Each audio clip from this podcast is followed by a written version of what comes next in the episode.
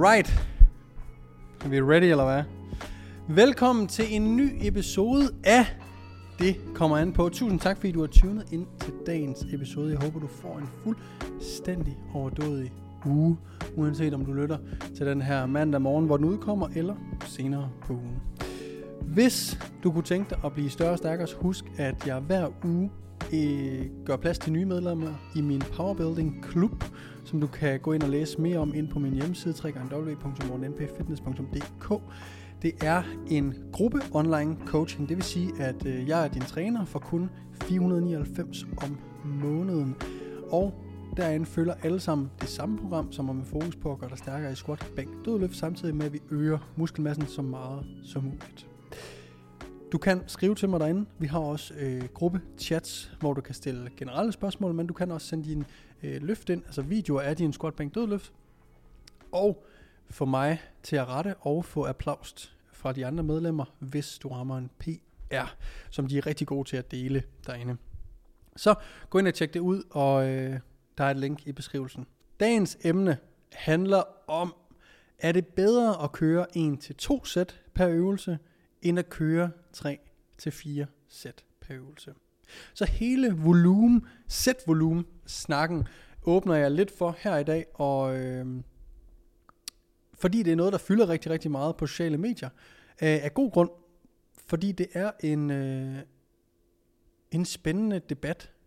For det, der er fedt ved styrketræning, er, at det er relativt nyt at forske i det. Altså det er ikke øh, mere end øh, 20 år, vi har øh, forsket i det, og desto mere og mere populært styrketræning bliver, desto flere og flere studier bliver der lavet fra år til år.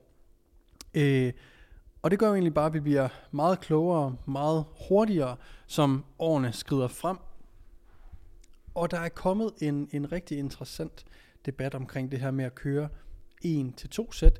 Øh, ikke at det er sådan, som sådan nyt, fordi det var for eksempel det, Dorian Yates gjorde. Øh, low volume, high intensity, back in the days, øh, Mike Metzer osv. Øh, så det er ikke som sådan nyt, men det er blevet noget flere gør, og noget, der er en rigtig, rigtig god grund til at overveje, om man skal gøre. Øh, men som altid og alting i styrketræning, så handler det jo om kontekst. Og det er jo derfor, podcasten hedder, det kommer an på.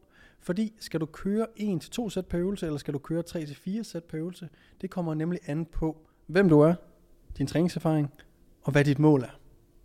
Så, grunden til, jeg tror, jeg nævnte det i sidste podcast, eller ellers er det i hvert fald en meget øh, nylig podcast, at vi har øh, det her pendul, der svinger over, hvad der er trendy lige nu.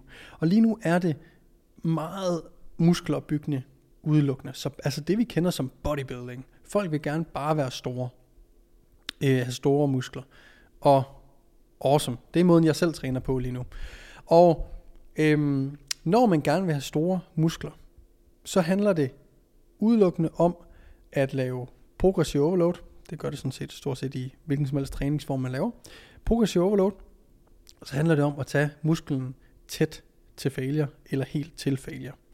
Øhm, og som I måske har hørt, når jeg har snakket omkring de her øh, myo reps, så har jeg nævnt de her effektive reps.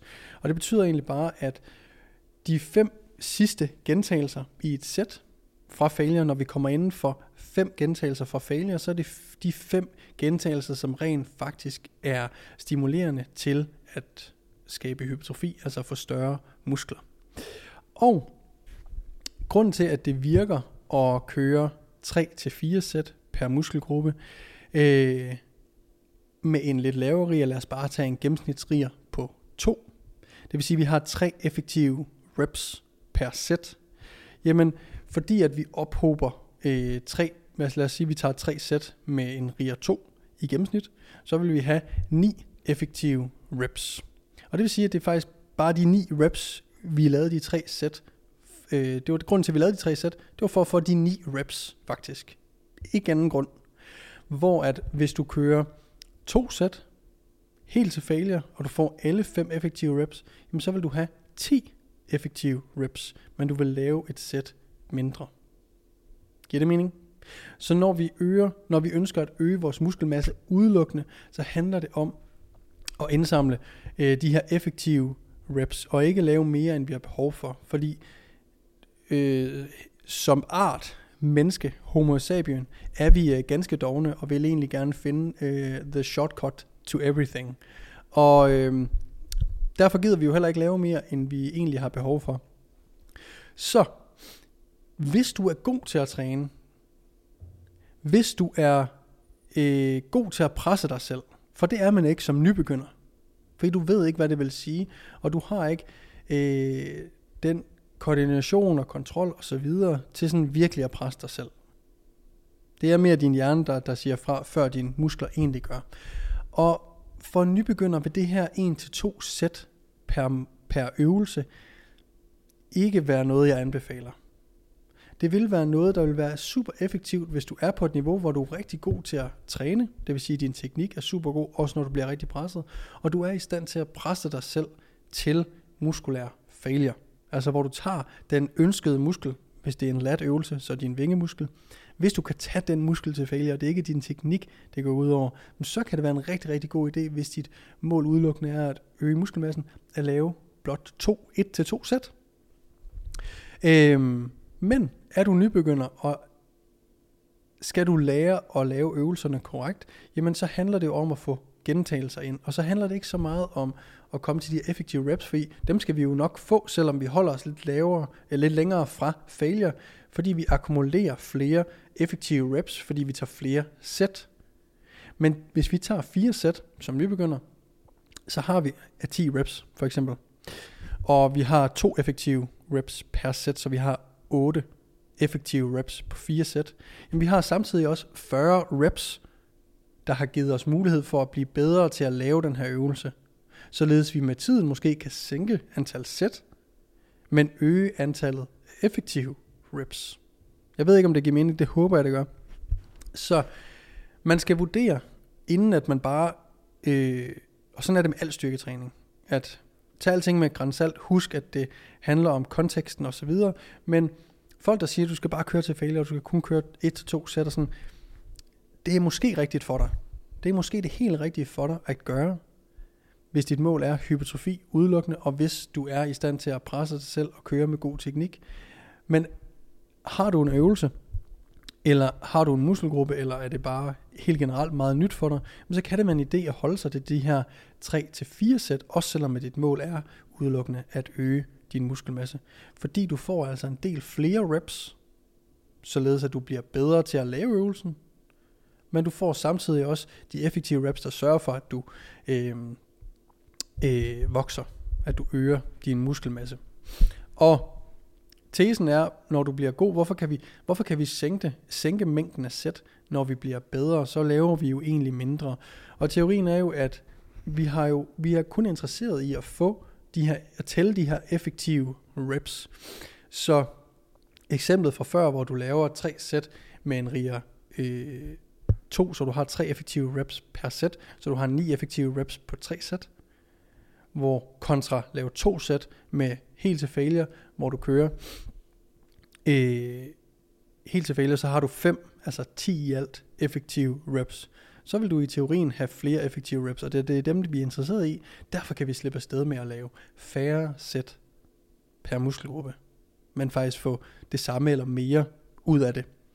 Øhm, fordi det er jo heller ikke nogen hemmelighed, at hvis vi laver fire sæt af 10 gentagelser, øh, og får 8 effektive reps af det, så er der jo meget øh, fatigue, træthed, som vi ophober over alle de ekstra reps, som vi egentlig skulle lave for at få de effektive reps.